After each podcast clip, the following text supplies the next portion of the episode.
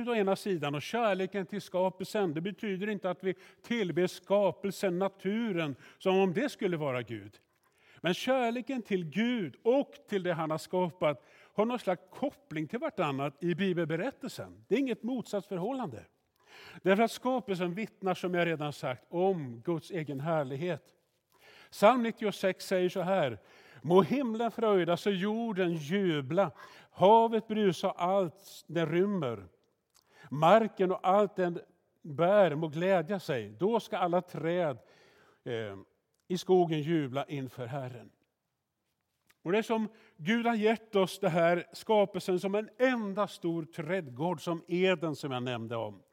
Och där, om vi nu zoomar in lite grann, så står det i skapelseberättelsen att Gud har skapat alla slags träd. Nu ska jag ta med dig på en resa från det allra minst kända trädet till det allra största. Det minst kända träd det finns i Alperna. Det är en salixart som bara blir två centimeter långt, men det har man definierat som ett träd. Världens högsta träd finns i Australien. En eukalyptusart som blir 100, upp till 160 meter högt. Jag har varit många gånger på Svampen, ett vattentorn i Örebro. Det är 50-60 meter högt. Tänk dig tre gånger Svampen på sin höjd. Då är det riktigt högt. Det är världens högsta träd. Vi kan också för det tredje tänka oss här i svensk försommartid en stor ek, en hage som grönskar då lövverket är stort. Det kanske är 25-30 meter högt. Tänk att den här gigantiska eken som väger flera ton kommer ur ett litet ekollon. Alltså det är bara det känner man ju fascination. Hur kan det gå till? Men det händer på nytt hela tiden, det växer. Guds syfte med Edens lustgård från början då, det var ju inte bara att det skulle vara till föda bland annat för människorna, för Adam och Eva. Utan det skulle också vara att det smakade gott, en fröjd. Alltså Gud har sinne för det här med det estetiska. Att det gläder människans hjärta, att man får äta god mat och känna sig glad att få äta det som mättar gott. Att det inte bara mättar liksom i allmänhet, utan att det får en fröjd, en glädje. Alltså så mycket estet är Gud skaparen bakom allt det här. Och den här mångfalden, den här skönheten, den föder naturligtvis både nyfikenhet, respekt, förundran, hänförelse och glädje. Och jag skulle vilja säga, jag tror att någonstans så kan människan känna, oavsett om man har en tydligt uttalad tro eller inte, att man vill göra av den här glädjen. Och kanske att man finner på den här banan en väg till en skapare. Då föds en tacksamhet, en lovsång, en lovprisning riktad till skaparen. Det är underbart. Nu inträffar det ju, och det berättar Bibels, Bibelns berättelse ganska tidigt där, första Mosebok kapitel 3. En katastrof. Syndafallet blev ett faktum. Skilsmässan mellan människa och Gud som skilde människan från Gud. Och Det har liksom blivit en fnurra på tråden och skapelsen har upplevt en defekt utav det här. Nu är det ju så här att Gud ger inte upp, för han är hoppets Gud. Han är en Gud som har en vidöppen famn, en uträckt hand. En Gud som bjuder oss människor in i sin gemenskap på nytt. Och han har gett oss en ordning, en frälsningsordning, en räddningsplan som han har satt i verket. Och det har han gjort för länge, länge sedan. Och det är sin son Herren Jesus Kristus som världens enda hopp och räddning och frälsning. Och den, den möjligheten vi har att komma i ny gemenskap med Gud själv och få uppleva en förnyad gemenskap med honom.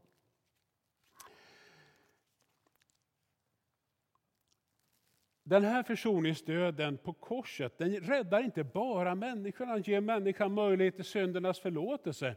Utan egentligen så har liksom Gud en plan för att rädda hela sin skapelse förutom människan. Gud har en plan att på nytt skapa på nytt. Det talas i Bibelns slutackord om nya himlar och ny jord. Som det börjar med en trädgård, med Edens lustgård. Men det slutar också med en ny skapelse, ett paradis, en paradisets trädgård en gång i framtiden. Så det är liksom Guds plan. I en av sina tidigaste filmer, en av de första filmerna, så har Ingmar Bergman i filmen Smultronstället tecknat ett ganska intressant scenario. Det är en sommarträdgård Där finns den gamle mannen Isak Berg som ska promoveras som hedersdoktor vid ett universitet. Men där finns också en journalist som är en ateist. Det betyder att man inte tror på Gud, man tror inte på någon skapare, man tror inte på frälsningen i Jesus Kristus. Och där finns den unge teologen, prästen. Och där frammanas en konflikt mellan ateismen å ena sidan och den kristna tron å den andra sidan. Den här journalisten han vill gärna hjälpa kyrkan med att begrava både kyrka och Gud för att säga att det finns ingen skapare. Och kyrkan är bara en påbyggnad, människans påhitt. Och prästen, den unge teologen, han blir taggad av det här. Han försöker till varje pris försvara kyrkans närvaro, men också Guds existens. Och han säger vi måste ha som en himmel över vårt jord, liv på jorden, annars är det meningslöst att leva. Till slut där ute i sommarträdgården så avbryter den gamle mannen Isak Berg. Och han säger bara några ord med att citera en vacker psalm som Jan Johan Olof Wallin har skrivit, en känd psalmförfattare. Jag ska läsa de här verserna för dig här och nu. Var är den vän som överallt jag söker? När dagen gry, min längtan blott sig öker. När dagen flyr, jag än ej honom finner, fast hjärtat brinner. Jag ser hans spår varhelst en kraft sig röjer. En blomma doftar, ett ax sig böjer. Uti den suck jag drar, den luft jag andas, hans kärlek blandas. Jag hör hans röst där sommarvinden susar, där lundran sjunger och där floden brusar. Jag hör den ljuvast i mitt hjärta tala och mig hugsvala. Ack, när så mycket skönt i varje order av skapelsen och livet sig förråder. Hur skön måste då själva källan vara, den evigt klara. Alltså, Isak Berg han var inte så intresserad av att vinna en eh, debatt. Han var mer intresserad av att vittna och berätta om det han själv hade funnit i skapelsen och i mötet med skaparen. Och det var det han ville föra ut, ett evangelium om Gud.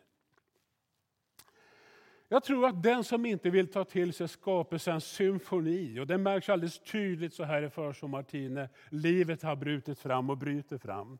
Alltså den människan som inte vill ta till sig skapelsens symfoni, den tror inte jag heller kan ta emot evangeliets budskap. Därför att den människan som inte ser att det är någon man kan tacka för, den har ju heller inget att tacka för. Om man inte inser att det finns en skapare, vem ska man då rikta sitt tack till egentligen? Alltså så är det en väldigt materialistisk världsbild. Om inte Gud finns, vad ska man göra av den här glädjen i hjärtat bubblar och flödar över? Hur ska man rikta den någonstans?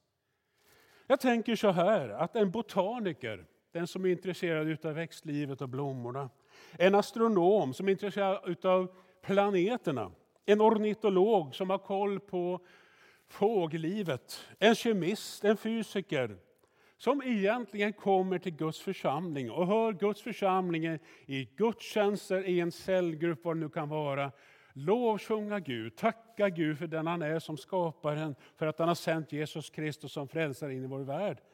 Den borde egentligen få en aha-upplevelse när man studerar utifrån sin kompetens just det här området då finns en koppling till blommornas lovsång, fågelkvitters lovsång. Allt det här som talar om att det finns en skapare bakom detta. Alltså jag skulle vilja säga att forskning egentligen handlar om att studera hur Gud har möblerat vardagsrummet. Eller vi kan ta i hur Gud har möblerat trädgården. Eller hur Gud har planerat att möblera hela skapelsen. Jag tror så här, när du och jag befinner oss i naturen, i skapelsen, så kan man ju känna att vi är små människor trots allt. Vi är små människor i ett stort sammanhang, i en stor skapelse. Och det är som naturen har en förmåga att lyfta oss upp ifrån vår egen självupptagenhet. Vi lyfter på blicken och blir fascinerade av allt det här stora. Vi lyfter blicken upp mot himlavalven, tre topparna först. Och så tror jag att vår blick möts, möter Guds egen blick och blir bara varm om hjärtat. För den Gud som du möter, den skapare du möter, Den Gud som du möter är Sonen, Herren Jesus Kristus, vår frälsare. Det är en Gud som är för dig och inte emot dig. En Gud som är för dig och inte emot dig. Det är den Gud som möter dig med en vidöppen famn. Så jag skulle vilja uppmuntra dig idag. Var glad, var tacksam. Gör någonting av den här fascinationen, rikta den till skaparen, tacka honom för vad han har gjort. Gör det här nu i sommarens tid, naturens skönhet, när du upplever att det, du har goda relationer i familj, i, din, din, i ditt sammanhang med grannar, vad det nu kan vara för någonting. Tacka honom för allt det här. Herre vår Herre, hur härligt är inte ditt namn över hela jorden, du som har sått, satt ditt majestät på himlen. Den guden är det som du närmar dig. Nu ska vi be. Och innan jag ber så vill jag berätta för dig hur vi ska be. Jag ber med dig. För det första vill jag att du är med i den här bönen att tacka Gud för vad han har gjort som skaparen. Vi kan aldrig tacka Gud nog mycket. Låt oss rikta vår tacksamhet till honom. För det andra så vill jag be särskilt för dig som tycker att livet är ganska skruvat. Alltså vi lever i ett höghastighetssamhälle. Vi bekymrar oss om ganska mycket om morgondagen. Jag gör det också. Jag får gång på gång påminna mig om att stilla mig, att bildligt talat sitta ner Gud Faderns knä och se hans ögon och låta hjärtat bli varmt. Jag vill be för dig för den skull. Och Jag vill också be för dig som känner att livet har farit hårt fram med dig. Du tycker det är ett hån nu när livet bryter fram i naturen. Jag vill be att du ska få möta Gud att du bara får ha en stilla stund med Gud framledes. Jag vill också be med dig, du som känner att det här som händer i naturen, jag kanske inte ens kallar det en skapelse, men det som händer i naturen får mig att tänka att det måste vara en tanke bakom det här. En skapartanke, en skapare. Jag vill be att du ska få bli Guds barn, att du ska få ta emot frälsningen i Jesus Kristus. Så låt oss be. Jag tackar dig Gud Fader i himmelen, skaparen. Jag tackar dig för att vi får rikta vår tacksamhet till dig den här stunden. Tack för att du är stor och härlig. Och vi blir fascinerade när vi ser på skapelsen. Hjälp oss Herre att göra någonting med den här tacksamheten. Vi riktar den till, till dig just nu. Så vill jag be för den, för det andra som känner att, ja, jag tror. Men det känns som Gud är långt borta, eller om jag har gått bort från Gud. Det är så mycket som upptar min tid, som stressar mig, som gör att livet känns tufft. Att få livspusslet att gå ihop, allt ihop det här. Eller att livet har farit hårt fram med mig. Jag vill be för den man eller kvinna som upplever det. Att nu, idag, i eftermiddag, imorgon, så bara Gud ska uppenbara sig med ett himmelskt ljus. Tack Gud för att du bjuder den människan in i din gemenskap. Värm den personens hjärta. Så vill jag be för den man, kvinna, yngre eller äldre som känner, jag har aldrig trott på Gud förut, men någonting med naturen gör att jag kan inte komma från det. Det måste vara en tanke, det måste vara bakom denna tanke en skapare som har skapat allt det här. Jag vill be att den personen ska få ta emot frälsningen i Jesus Kristus, syndernas förlåtelse, här och nu i den här stunden och få bli Guds barn. Vi tackar dig för det, himmelske Fader. Amen.